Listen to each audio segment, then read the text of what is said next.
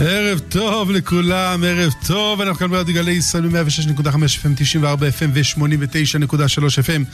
כאן בגבעת זאב ברדיו המקסים הזה שקוראים לו גלי ישראל. כן, כן, כן, איתנו היום אלחנן רוקח ו... ו...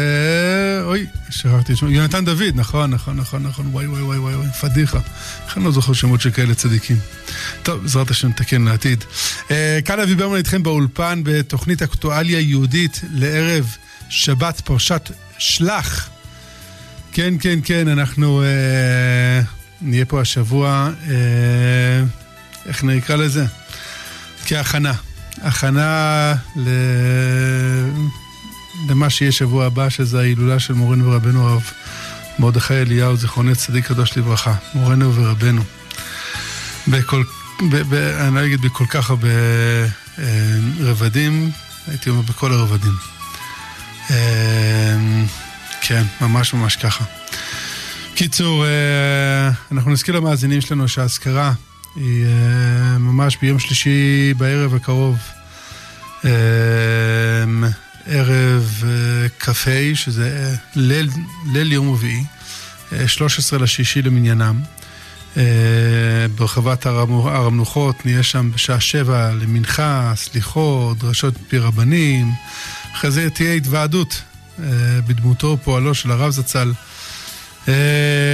כן, כל שנה התאריך הזה הוא, הוא לא קל.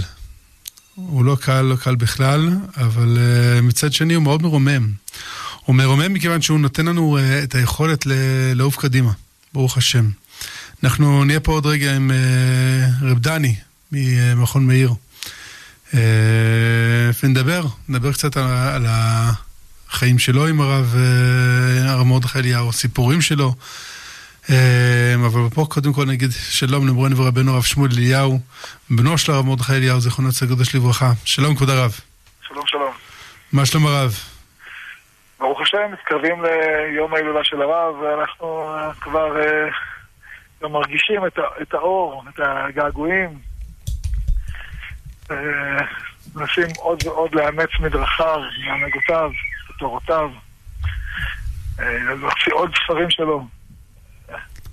ממש מרגישים שמיום ליום לומדים כמה האור גדול וכמה האור הזה חשוב לנו, לנו, לילדים שלנו, לתלמידים שלנו.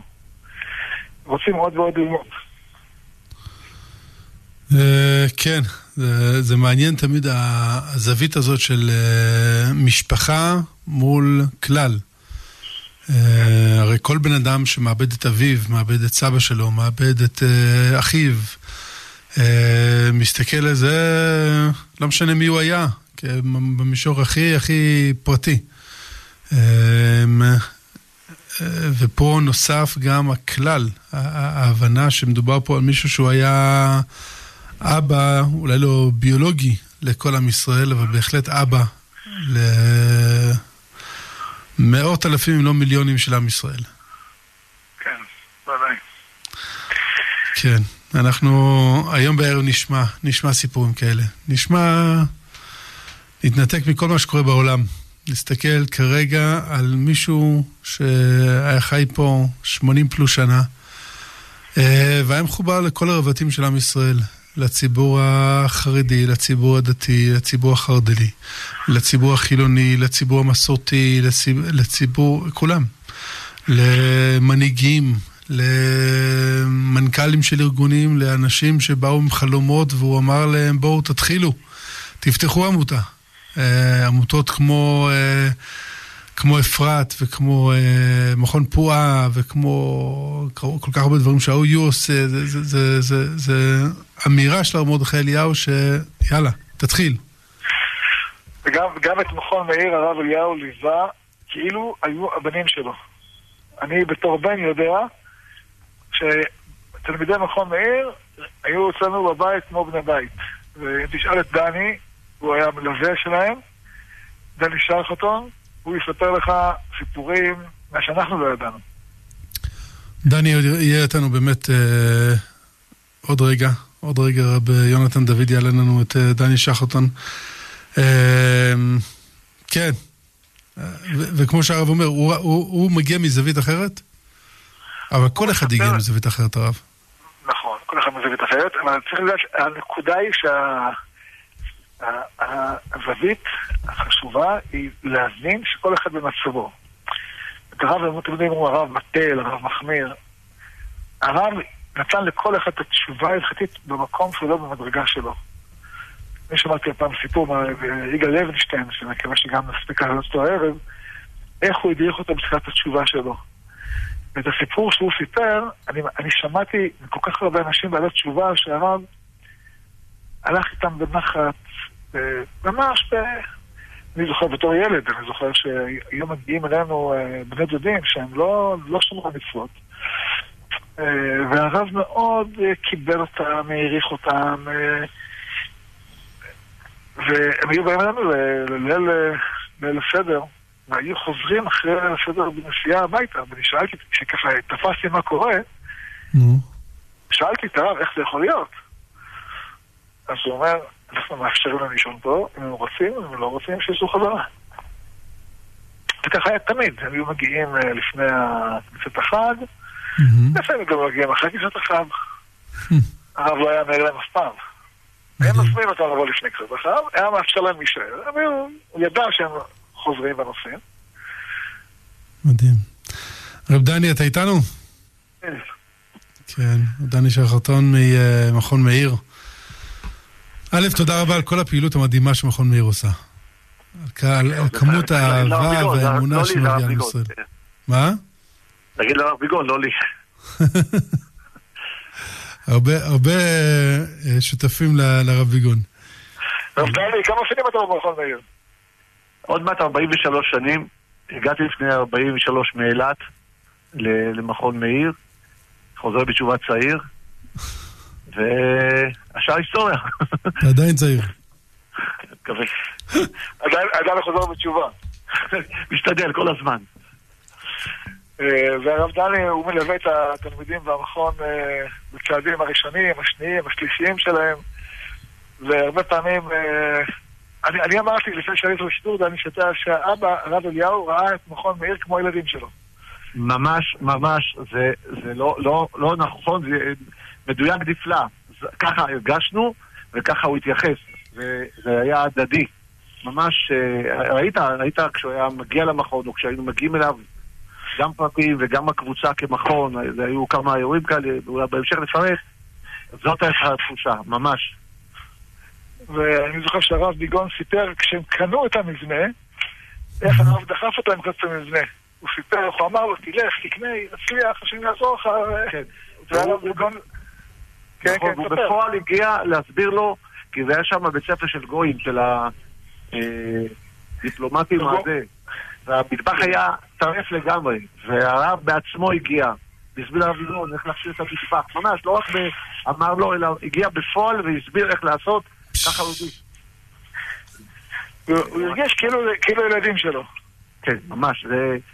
אה, היה אביהם של הבעלי תשובה, אם נעשה אותה ציף בתוך ההגדרה הכללית של עם ישראל.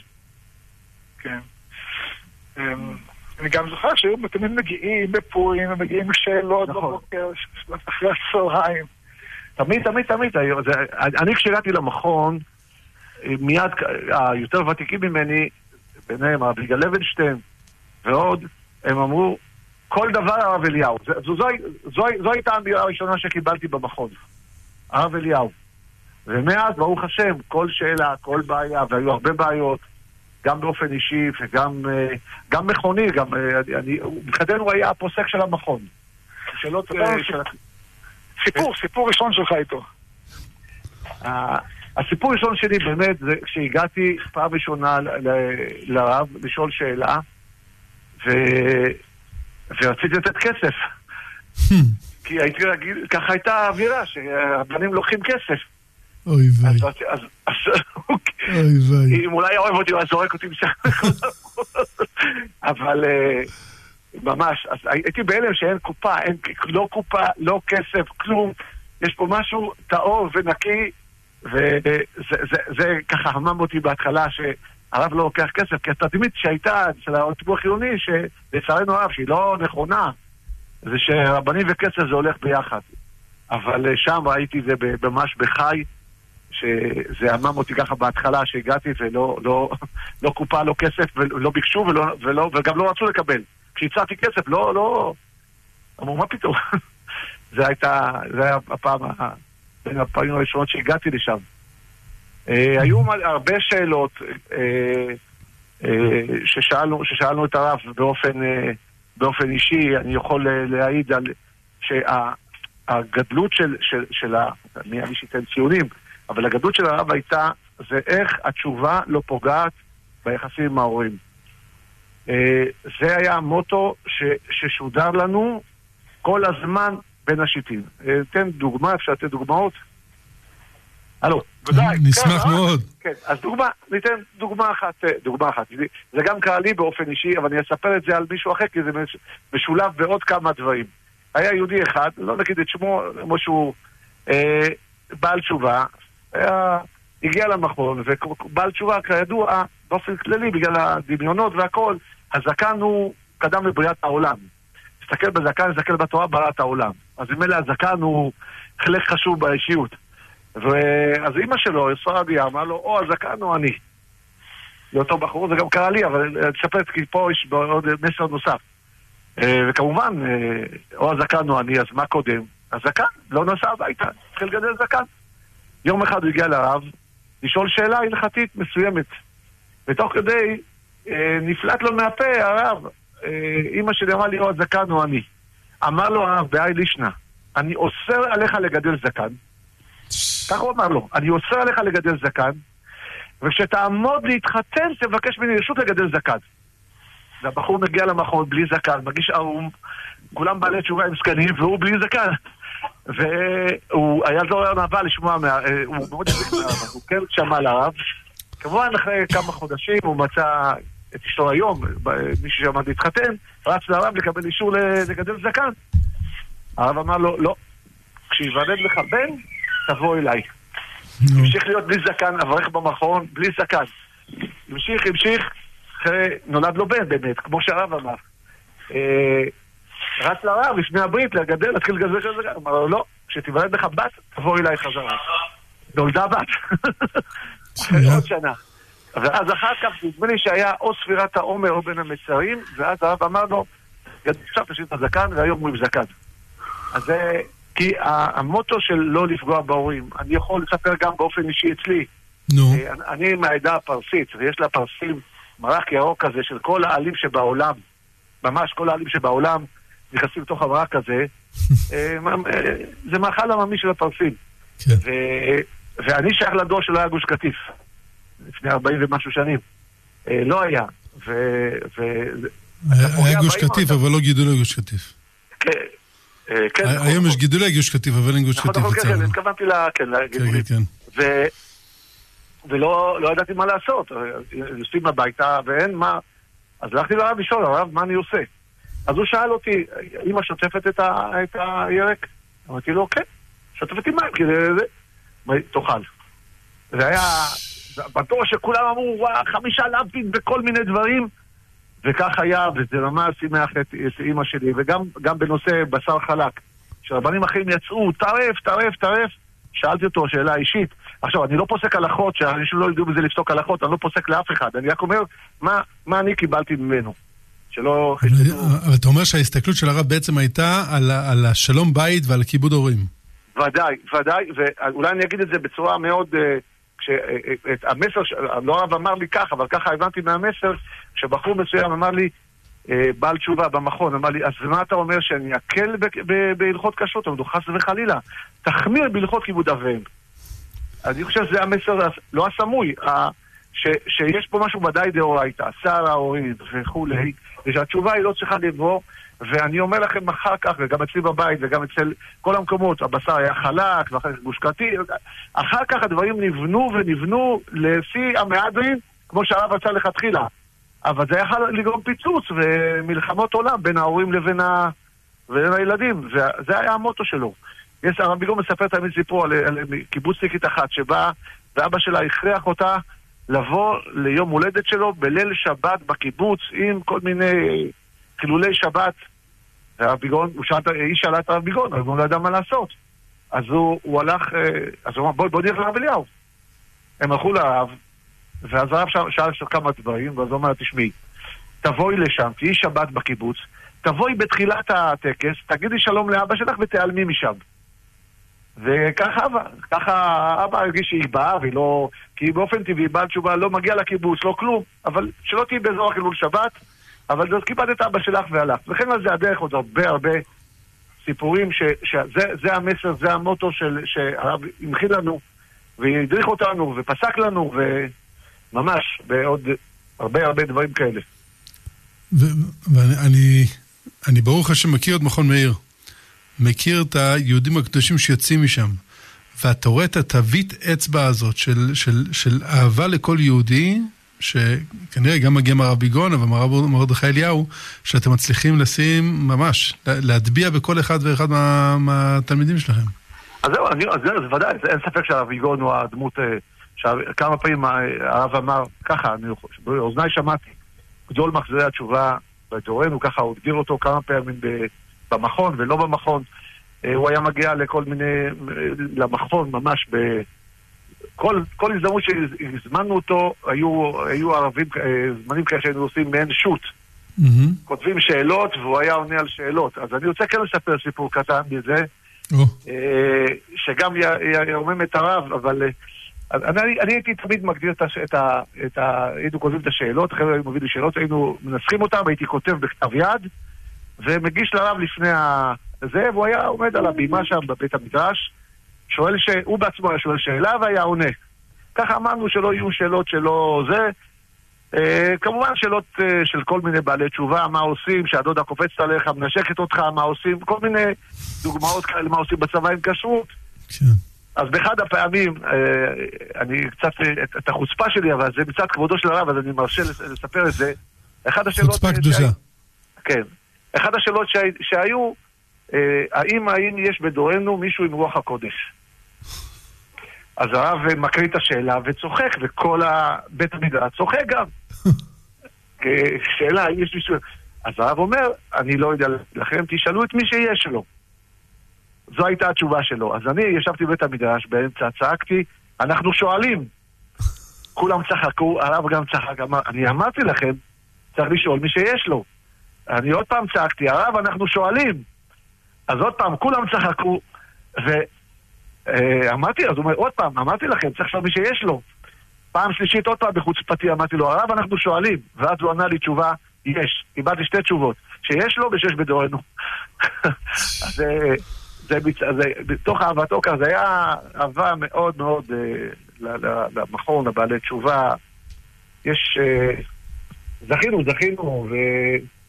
שלא לא רק אני, יש מלא מלא אנשים בעלי תשובה, שאם הרב לא היה, לדעתי המצב היה חמור, ובעקבות התהליך הזה הרבה הורים חזרו בתשובה, יכול, ממש אלפים, בעקבות, בעקבות הילדים, כי ראו את התורה הבריאה הנורמלית הזאת, ובעקבות זה ממש אין ספק שזכינו ל... להדחת תורה ישרה, זה לא... כן. זה ישרות של שכל ישר וגדלות של אה, פסיקה. אה, יש סיפור שאני מספר אותו הרבה פעמים. אה, היה איזה מישהו, אברך ממרכז הרב, שהתחתן עם בעלת תשובה. אוקיי. והם היו נוסעים לאחותה שהייתה נשואה לאיזה שמוצניק, שלא כל כך אכלו אה, מאכלים כשרים, וצבעים בהירים אפילו הייתי אומר, בעדינות, לא נכניס את השם הזה. ומילא הזוג הזה שהיו נוסעים אליהם לא היו אוכלים כלום. כי לא כשר. יום אחד פנו הזוג החילוני לזוג האברך הזה ואמרו להם, תראו, אנחנו מוכנים להכשיר את המטבח שלנו, ואת האוכל הלא כשר נאכל במסעדות, כדי שתבואו לאכול אצלנו. אז האברך הזה רץ לרב לשאול אותו מה לעשות. הרב אמר לו, יופי, מצווה גורמת מצווה, בתוך שלא יאכלו בבית, גם לא יאכלו בחוץ. נתן לו אה, כללים של אה, הכשרת אה, המטבח, הידועים לנו, לכל אחד. Mm-hmm. וממש בסוף הוא אמר לו, אם תתעורר בעיה, הנה הטלפון שלי. טוב, אותו אברך נסע אליהם הביתה, יסע כבולו כך בולטו, כל הכללים הידועים, ואז פתאום הוא, הוא קולט שהסט הבשרי שלהם הוא מחרס. הוא רצה להגיד להם שבירתו היא תקנתו, ואז הוא שובר את הכלים תרתי משמע. אבל הייתה לו סייעתא דשמיא וענווה, אז הוא אמר, רגע, הרב אמר שהתקשה אליו. אז הוא הרים טלפון לרב. ואמר לרב, אה, הרב, יש לי בעיה, ומה הבעיה? הכלי, הכלים שאוכלים בהם, הצלחות עצמן, הם חרס. אמר לו הרב, תשמע, כלי שבירתו את תקלתו, אנחנו כולנו יודעים. אבל יש פוסק אחד, דעת יחיד, ככה, ככה הוא אמר לי אותו אברך. דעת יחיד, שאומרת ששבירתו את תקלתו זה הכלי שמבשלים בו, לא כלי שאוכלים בו. אז בוא, עם ההגשה ועם הכל, בוא נסתמך על הפוסק הזה. הפעם תכשיר להם את המטבח. זה, זה, זה הגדלות של הרב, שהוא ידע, בגלל ההיקף שלו, בגלל התורה שלו, בגלל הישרות שלו, ידע שצריך מסו... דברים מסוימים, אז אנחנו מסתמכים על דברים כאלה כדי ליצור שלום בעם ובכלל. וככה, ו... ומלא, יש הרבה דוגמאות לכך, ברוך השם. זאת ה... זה זכינו, ממש זכינו בהרבה... טוב, יש סיפורי מופתי ודאי. נו, תן לנו אחד, רב דני. אחד, אחד למכביר. אני זכיתי להיות בימי שישי, פותח לרב את המקווה. לא הייתי בלן, הייתה תקופה שהייתי בלן. נו. אבל אחר כך הפסקתי להיות בלן, אז היינו... כשהרב היה טובל בימי שישי, היו סוגרים את המקווה במיוחד בין 10 ל-11, ואני הייתי רץ להוציא את האנשים. לא הייתי בלן, אבל הייתי מקפיד שכשהרב מגיע שלא יהיה שם אף אחד. כן. אה, וככה, וכל פעם הייתי אה, מוציא את האנשים ודואג, ואז היה מגיע אה, ניסים לופז, ייבדל לחיים ארוכים, ויהודה מצפי, זכר צדיק לברכה, היו באים עם הרב, והייתי פותח להם את הד... לא היה לי מפתח, לרב היה מפתח, הוא היה פותח את המקווה, נכנסים, הייתי, הוא היה פותח לו את הדלת, הייתי מקבל לנו, משך לו את היד, מברך אותי, ועולה למקווה, עובר, מחכה לו בחוץ, פותח את הדלת, רק כשהוא היה חוזר מהמקווה, נשק לו את היד, מברך אותי, ואז אם היה לי שאלות, אני שואל אותו, וככה היו באים אנשים שואלים כל מיני שאלות. יום אחד באתי, אותו, אותו דבר היה, הגעתי, אחרי שהוא חזר מהמקווה, נשקתי לו את היד, בירך אותי, והלכתי הצידה. הגיע אליי הבן שלי, ואמר לי, אבא, כואב לי היד, קיבלתי מכה. אמרתי לו, הרב פה, הולך לבקש ממנו ברכה. והלכתי, אני הייתי בצד. הוא הלך, ביקש ברכה מהרב, והוא אומר לי, הרב אמר לי שאין לי כלום. אבל היד שלו כואבת. אז אמרתי לו, טוב, הרב אמר אמר. אז אמרתי לו, טוב, שלחתי אותו לחבר שלי, דוקטור שם, היה פה מנהל המרפאה. בקריית משה. כן, כן, בקריית משה. שלחתי אותו אליו, הוא הסתכל על היד, ואמר, הוא צריך ללכת לצילום. צילום ב... היה אז בשטראוס צילום. טוב, נכון. הילד הגיע, הילד הגיע אליי, אמרתי, טוב, לך לשטראוס, אה, תעשה צילום. הוא נסע לשם, הוא היה בן 12 בערך, נסע לצילום, עשה צילום, חזר חזרה, ואמר לי, ואמר, אה, יש שבר, וצריך לעשות גבס. אז אמרתי לו, למה עשית גבס? הוא אומר, פחדתי. באתי הביתה, וזה היה חמישה לשתים עשרה, התקשרתי לרופא, לדוקטור שם, אמרתי לו, אומר לי, מה עם הילד? אמרתי לו, יש שבר, צריך לשים גבס. אז הוא אומר, נו, למה הוא לא עושה? אמרתי, כי לא הלכתי איתו, הייתי עסוק, אז uh, הוא התחיל לצעוק עליי. אז אמרתי לו, אפרים, לא עכשיו. צעק עליי אחר כך, אבל מה אני עושה? אבל אפשר לשבת, מה עושים? אמר לי, חדר מיון. טוב, באתי לאשתי, אמרתי לה, תשמעי, אני לא טבלתי, ומיון ייקח הרבה זמן. אני, אני ארוץ למקווה לטבול, אני אטבול, אה, ואז אני אבוא ותסעי איתו לזה ואני אשתוק את הבית בינתיים. אז אה, הגעתי, הלכתי למקווה, טבלתי, חזרתי, בצומת שם, מול הקופת חולים, היה אור אדום ברמזור. אני מסתכל על הקופת חולים, ואני אומר, רגע, רגע, רגע, הרב אמר שאין לו כלום. איך זה יכול להיות שיש לו שבר? אני אומר שאין לו כלום. הייתי בתמיהה. חזרתי, עשיתי, אשתי הלכה איתו לחדר מיון, חזרו לך כמה זמן, אין לו כלום, אין לו כלום. שבוע אחרי זה באתי לרב, אמרתי לו, הרב, אני מבקש מחילה. אמר לי, מה מחילה? מה, לא עשה לי כלום. הרב, אני מבקש, בוכה לך, אבל, אבל על מה? הרב, שבוע שעבר הבן שלי קיבל מכה. ואני, הוא בא אליך, אתה אמרת שאין כלום, ואני סיפרתי לו את הסיפור, אמרתי, והייתי ליד קופת חולים, הייתי בתמיהה, איך אמרת אין כלום, ויש לו שבר. ככה הלכו לחדר מיון, חזרו, ולא היה כלום. נתן לי מכה ככה בגב, לי, שי אמונת חכמים. זה, מה יצא איתי, אי אפשר להגיד שזה. היה בהתחלה שבר, אחר כך אין שבר. אפשר לשחרר אותו מהמיון, והכל עבר כלא היה. אז יש עוד הרבה סיפורים כאלה, גם באופן אישי. אה, ברוך השם, זכינו לבאים גדולים. ברוך השם. רב דני, אנחנו יודעים שאתה צריך לרוץ, להמשיך לעשות עוד הרבה מצוות. כן, כן, אז... מחילה. אז ממש, זה, זה רק יוצר תיאבון אה, להיזכר ברב ולעוד עוד... הרב דני, הרב דני, סיפור אחד לא סיפרת, חיכיתי שתספר אותו כל הזמן. על הבחורים בישיבה שרצו שהרב יהיה סנדק. היו, היו, היו, זהו, היה, היה כמה פעמים סיפורים כאלה שרצו שהוא יהיה סדק, אז הוא היה שואל תמיד עם מה הבעיה, למרות שהאבא לא היה חילוני, היה חילוני או משהו כזה, הוא שאל, האם האבא? והיה אומר שהוא צריך להיות אה, סנדק. אלא אם כן, היה מסיבות אחרות, אבל תמיד, תמיד, זה היה, זה היה המוטו, לשמור על קשרים וכבוד להורים ולכבד אותם, וזה גרם להורים ממש ממש, אצל הרבה הורים אני מכיר, חזרו בתשובה, אם לא, היחס ודאי השתנה. אה, אלפים, אלפים. זאת אומרת, להגיד לילד, לבן הבעל תשובה, תן לאבא שלך, החילוני, להיות סנדק, ולא לרב אליהו. כן. זה, זה, זה הנבא, גם הענווה של הרב וגם מצד האמת. אתה, יש פה כבוד הורים. ואחר כך הוא היה שואל, אצלי הוא היה לא ב, ב, ב, ב, בראשון, הוא היה רק בשלישי או ברביעי. אין לי אבא, אבל אבא של אשתי, ועוד... אז רק אחר כך הוא היה סנדק. גם אצלי, רק בבן השישי. רק בבן השישי. אבל זכיתי, אבל אצל הנכד שלי הוא היה סנדק, הנכד הראשון, הבכור, אז בוודאי, זה היה פשיטה שזהו, לא, לא, אין, אין, אין מקום, אין אהבה אמינה, שמישהו אחר יהיה. ברוך השם. זכינו, ושנזכה זכותו תעמוד לנו להמשך, אותה תורה בריאה, ישרה, שמחזירה את עם ישראל לארץ ישראל, מחזירה אותנו לעצמנו בצורה אמיתית, וזה בזכותו, אין, אין, אין, אין מילים אחרות. טוב, תזכו למצוות, תמשיכו לעשות חיל, שמואל, השם ייתן לך כוחות להמשיך את, מכוח אבא, את כל הדרך של אבא.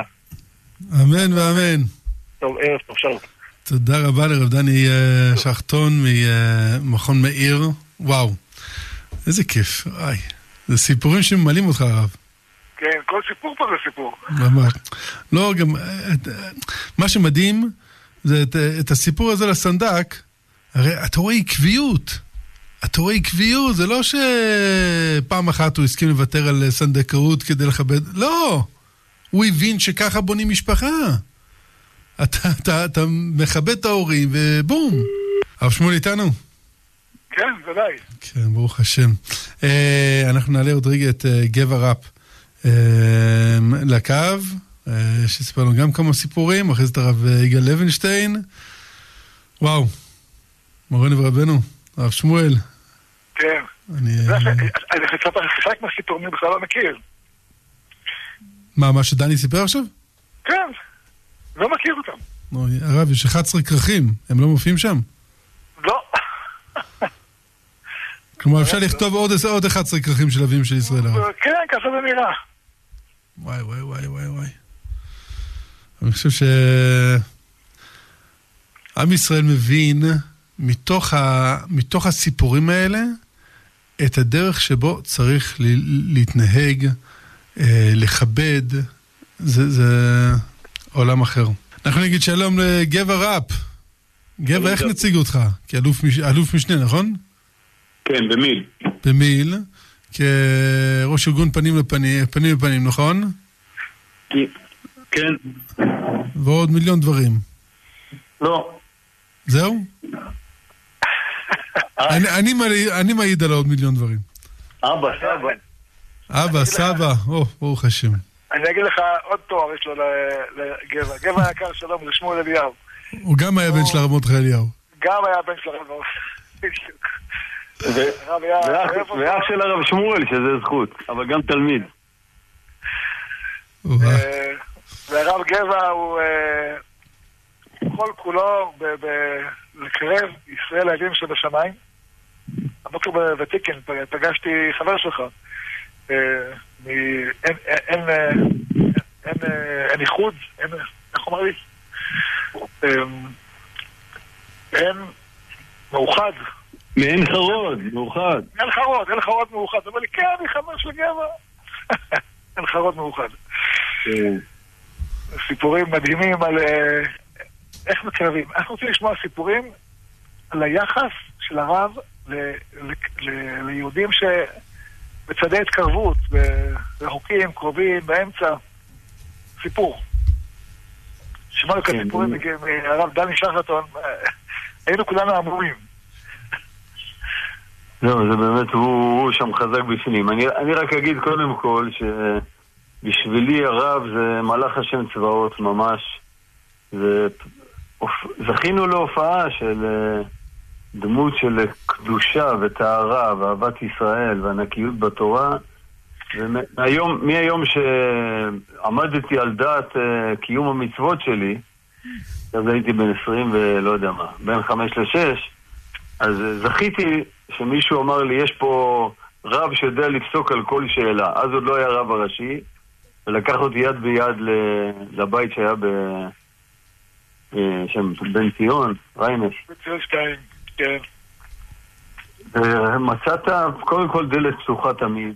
אני באתי עם מיליון שאלות, כי כשאתה מתחיל אז כל דבר זה שאלה, שאתה אפילו לא יודע שזה אולי, אולי, אולי כתוב באיזה מקום, אבל הרב תמיד מתייחס לכל בכבוד עצום ובהנני גמור.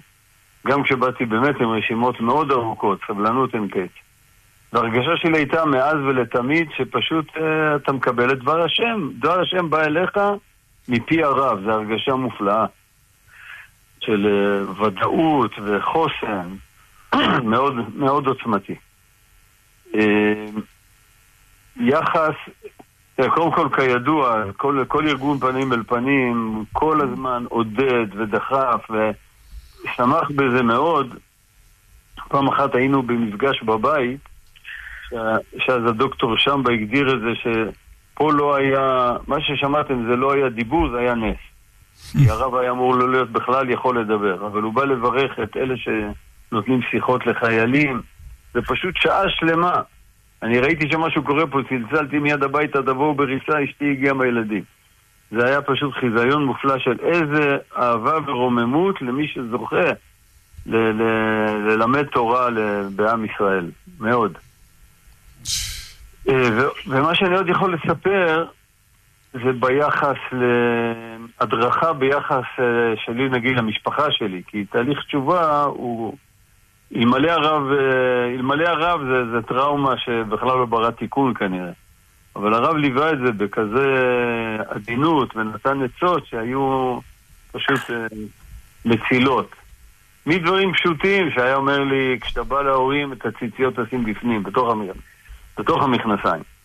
שלחוזר בתשובה מתחיל זה נראה איזה כפייה על דת חלילה, כן? אז מה, איך אפשר?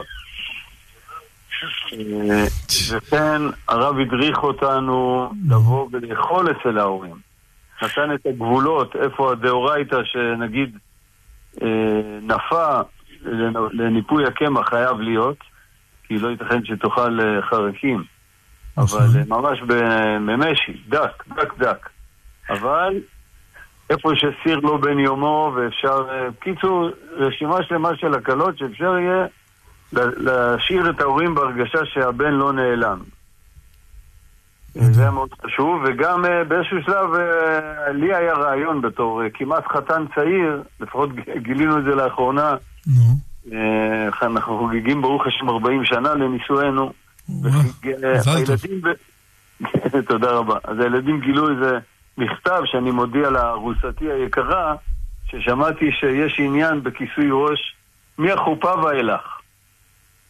אה, מצידי הייתי רוצה גם לפני החופה, אבל מהחופה ואילך.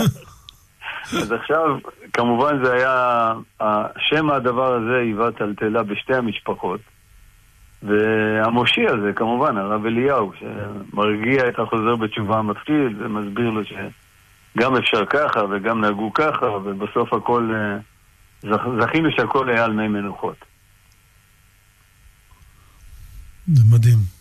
אתה רואה כזה עקביות, הרב שמואל, כמו שאמרתי קודם, אתה רואה עקביות בפסיקה של הרב מרדכי אליהו, שאהבת המשפחה, כיבוד ההורים, אין, אתה, אתה עושה כל דבר כדי לכבד את ההורים שלך. אולי דבר אחרון שקשור ב... ביחס, אה, התחילה הטלטלה הזאת של אה, החרב העולה על גוש קטיף, כשאריק כן. שרון מוביל את זה, והרב פעם קרא לי ואמר לי, תגיד, אולי אפשר לסדר מישהו שילמד עם אריק שרון, שרון שעה בשבוע. הוא אמר לי, אם כן, זה יוציא אותו מגדר עמי ארצות שמתאפשים, ויעמיד אותו על ציר של אה, מתחכמים בזקנותם. אז uh, לא זכינו. לא זכינו, לא זכינו לקיים, אבל זכינו לשמוע את הרב אומר את זה. ניסית?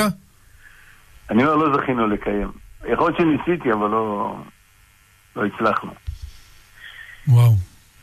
הרב בעצם אמר שלימוד תורה שעה בשבוע היה יכול להציל את גוש קטיף. אני אה, מכיר סיפור כזה על אה, שר אחר פעם בממשלה, שהרב אמר לי, אותו דבר בדיוק. אם הוא ילמד תורה, הוא יתיישר. באתי אליו, אותו אחד, אמר לי, כן, אבל אין לי זמן לזה. והוא לא התיישר, עשה שטויות, ועף. ואחרי שנים פגשתי אותו, הוא אמר לי, איזה שטות הייתה לי שלא שמעתי לרב ללמוד שעה תורה בשבוע. אתה לא מבין איך העולם הפוליטיקה משך אותי ושאב אותי ועשה לי את כל השטויות שעשיתי. כן, לאחרונה ככה, מכוח ההדרכה הזאת, אה, פגשתי זמר מאוד מאוד מפורסם. אני חושב שיהיה טוב שנלמד שעה בשבוע.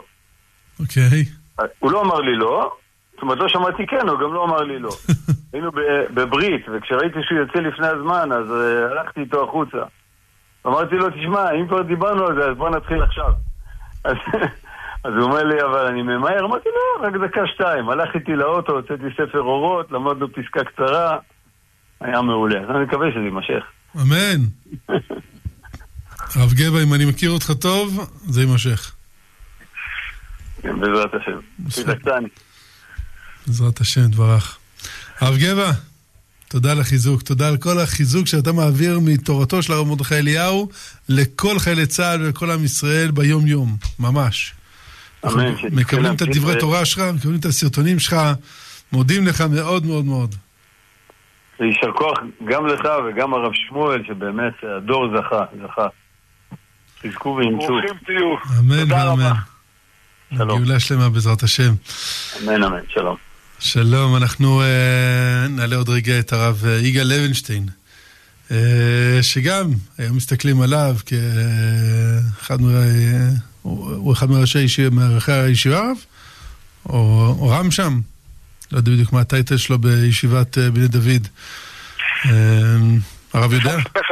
אני לא יודע, אני יודע שהוא איש ציבור שעוסק דברים מאוד גדולים למען עם ישראל. כן. אני, אני, יש לי הרבה סיפורים לספר עליו על כל מפגשי הטייסים, שהוא מאוד פעיל בסיפור הזה, אבל אתה יודע מה שאני רוצה לספר לך על, על, מה שאומר גבע, גבע הוא כמו אח שלי. ואני שומע אותו עכשיו, ואני אומר, רגע, את הסיפורים האלה אני לא מכיר. אתה אומר, גבע כמו אחי. את הסיפורים שהוא סיפר לא הכרתי. חלק הכרתי, חלק לא הכרתי. זה לא יאומן. אז איך זה יכול להיות, הרב? אתה רואה? אתה הכי קרוב, אתה הכי קרוב להר, אתה לא, לא רואה את הפסגה שלו. קצת אנחנו מתרחקים, קצת אנחנו מתחילים לקלוט את הגובה. מזל שיש שידור. מזל שיש שידור. מזל של גלי ישראל. זה בטוח. יפה מאוד, לא, ראש המכינה הקדם צבאית בני, בני, בני דוד שבעלי. ככה כותבים לי פה. שהכוח יונתן דוד על הדיוק. חזק ואמץ. הוא תפוס, אבל טוב, עוד רגע הוא יתפנה, בטח יצטרף אלינו. גם הסיפור הזה ששמעתי שאנחנו רוצים לבקש קצת לשמוע מהרב יגאל, כן. מישהו שלח לי איזושהי הקלטה שלו שהוא מספר את הסיפור הזה, ואני נפלתי מהכיסא, אמרתי, אני כל כך הרבה שאני מכיר את הרב יגאל. כל כך הרבה שאני מכיר את אבא שלי. איך לא הכרתי את הסיפור הזה? סיפורים מרתקים, מרתקים, אנחנו נשמע את זה בקולו, כי זה פשוט דבר מרתק. הרב יגאל איתנו? הרב יגאל היקר, מדבר שמואל אליהו.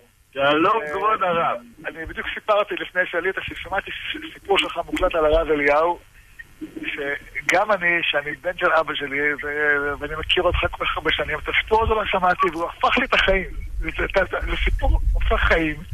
ואני אמרתי בלבי, את הסיפור שלך כולנו צריכים לשמוע, אנחנו מתחייבים לפניך לספר לנו את הסיפור. איזה סיפור מבין הרבה, אני דיברתי עשיתי הרבה סיפורים על הרב. על החומרות, על החומרות. אה, הסיפור המדהים הזה. כן, הוא שינה לי את החיים, אני מודה. בעלי תשובה, בעלי תשובה, הבעיה שלנו בתחילת הדרך, אין לנו שום איזונים ובלמים.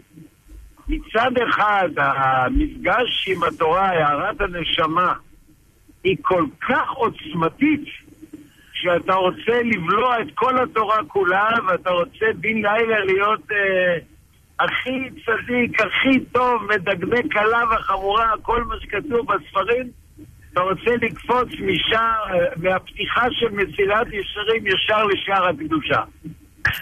וזו האמת, זו החוויה. מי שלא חווה את זה, תשאלו בעלי תשובה, זה, זה רעב, צמאון, זה מתן תורה פרטי יש לכל אחד. מדהים. עכשיו, בשנים הראשונות, אף אחד לא הכיר את התופעה הזאת של בעלי תשובה, לא רבנים, לא אף אחד לא הבין את הנפש הזאת. היה, ב- במכון מאיר היה, היינו רק 25 חבר'ה. וידענו שיש רב אחד, עברה השמועה ביניכם, יש רב אחד בקריית משה, הרב מרדכי אליהו, עוד לא היה רב ראשי, הוא לא היה מפורסם, הוא מבין את הבעלי תשובה. חושב שהוא, אני חושב, בדיעבד אני יודע, אני חושב שהוא היה אז רק ב... הוא רק התחיל את הרחוב בעד בבאר שבע.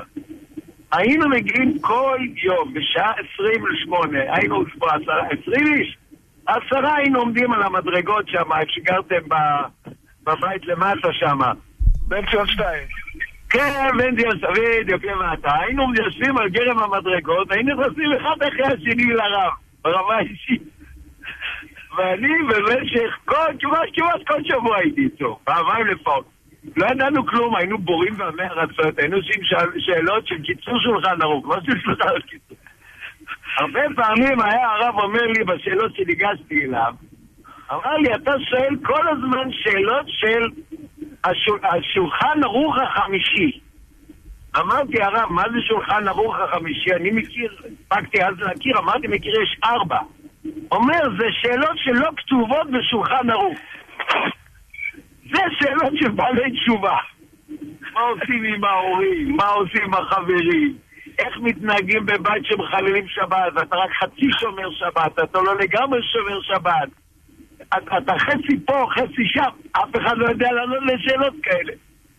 במהלך הזמן אני ככה יותר ויותר נכנסתי פנימה והתחלתי להתלהב וכל מה שכתוב בספרים, לא מה עיקר הדין, מה הכי הכי הכי שיש בעולם, זה אתה רוצה לעשות. הייתי מגיע לרב, שואל את הרב איך לעשות את החומות הכי גדולות שיש בעולם.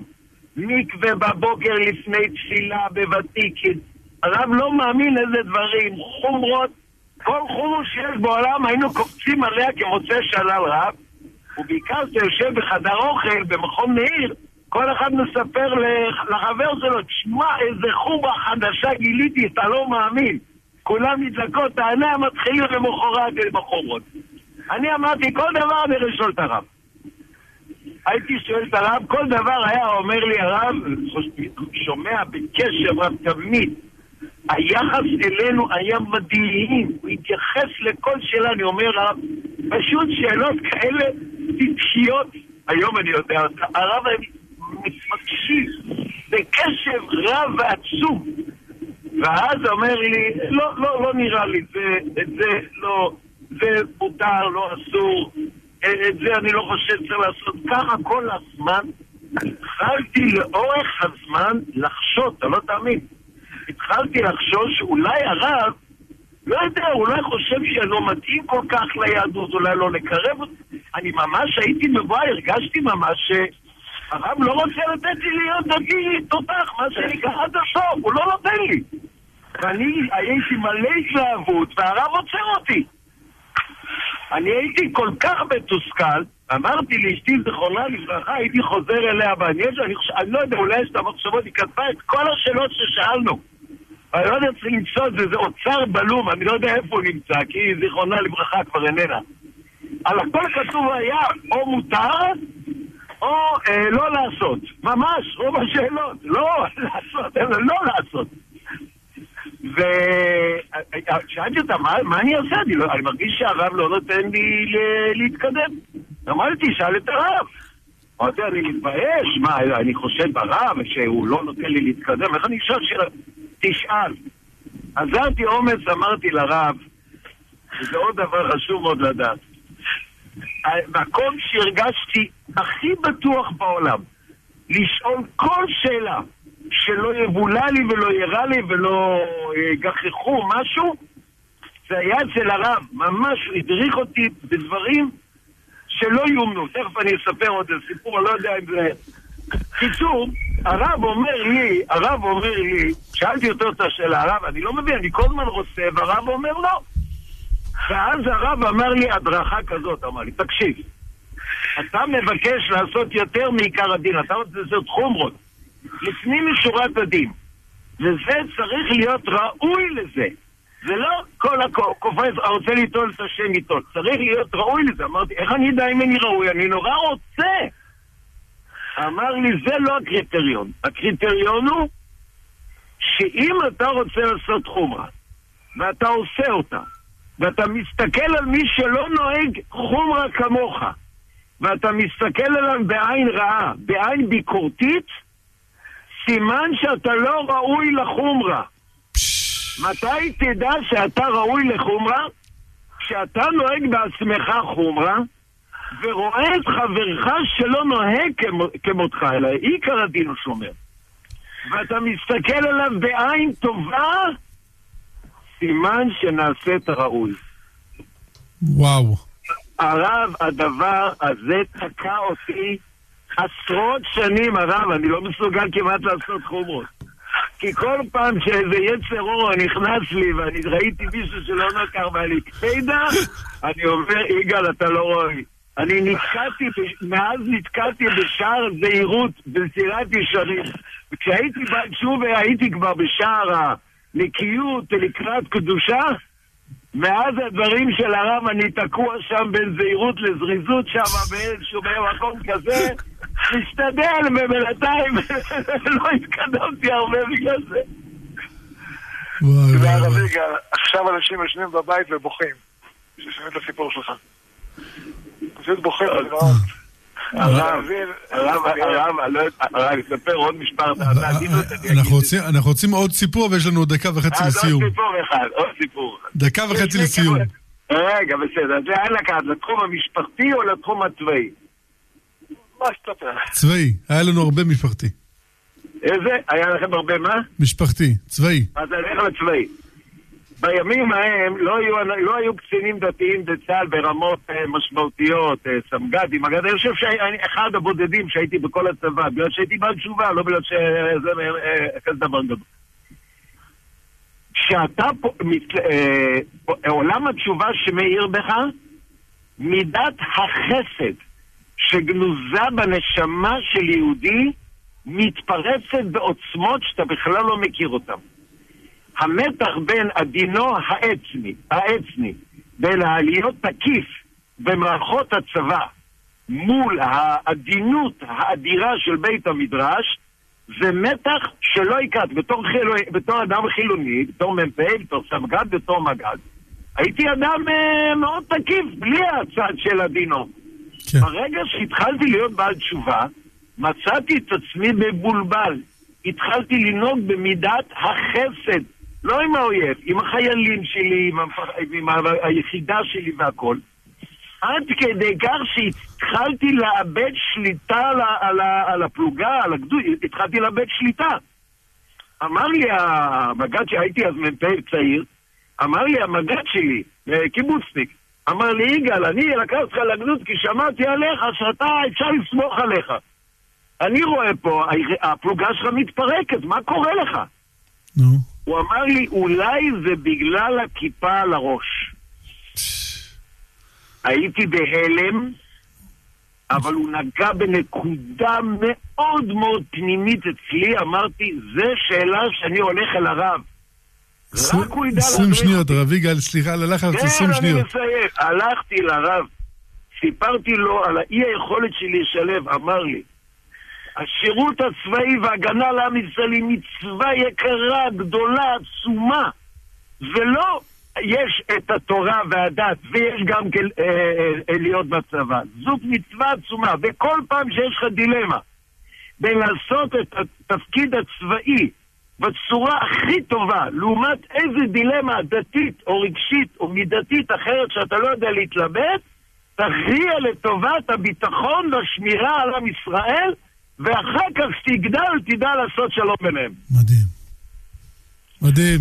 גדלות. מדהים, הדהרת אותנו, את כולם. תודה. וואו. איזה זכות לדבר על הרב, איזה זכות, איזה זכות. יישר כוח לכם. יישר כוח, הרב יגאל לוינשטיין, ראש המכינה, הקטן צבאית בני דוד ועלי. אני חושב ש... אתה סיימת שעה כזאת שלוקחת את כולנו, באמת. ביום שלישי הקרוב, אנחנו בעזרת השם ניפגש בהר המנוחות. נהיה שם בעזרת השם בשעה שבע בערב למנחה, מיד לאחר מכן סליחות, דרשות מפי הרבנים, תשע וחצי התוועדות בדמותו ופועלו של הרב זצ"ל. כן, מה נגיד? תודה רבה. שהרוח של הרב uh, ימשיך לפעום בנו, ייתן לנו את הכוחות האלה ואת ההכוונה הנכונה הזאת, לחבר את עם ישראל. תודה רבה למורן ורבנו הרב שמואל אליהו רב לעיר צפת. תודה לרב יגאל, תודה לגבר רב, תודה לרב דני. וואו. כאן אבי ברמן מסיים איתכם, אבל לא לפני שנגיד תודה לאלחנן רוקח ויונתן דוד. ונזכיר לכולם שמחר בעזרת השם, כאן ברדיו גלי ישראל, תוכנית חיים כהלכה בשעה 12 עם הרב שמואל אליהו רב הראש לעיר צפת. אה, כן, מה נגיד? ערב טוב, בשורות טובות, גאולה שלמה לעם ישראל.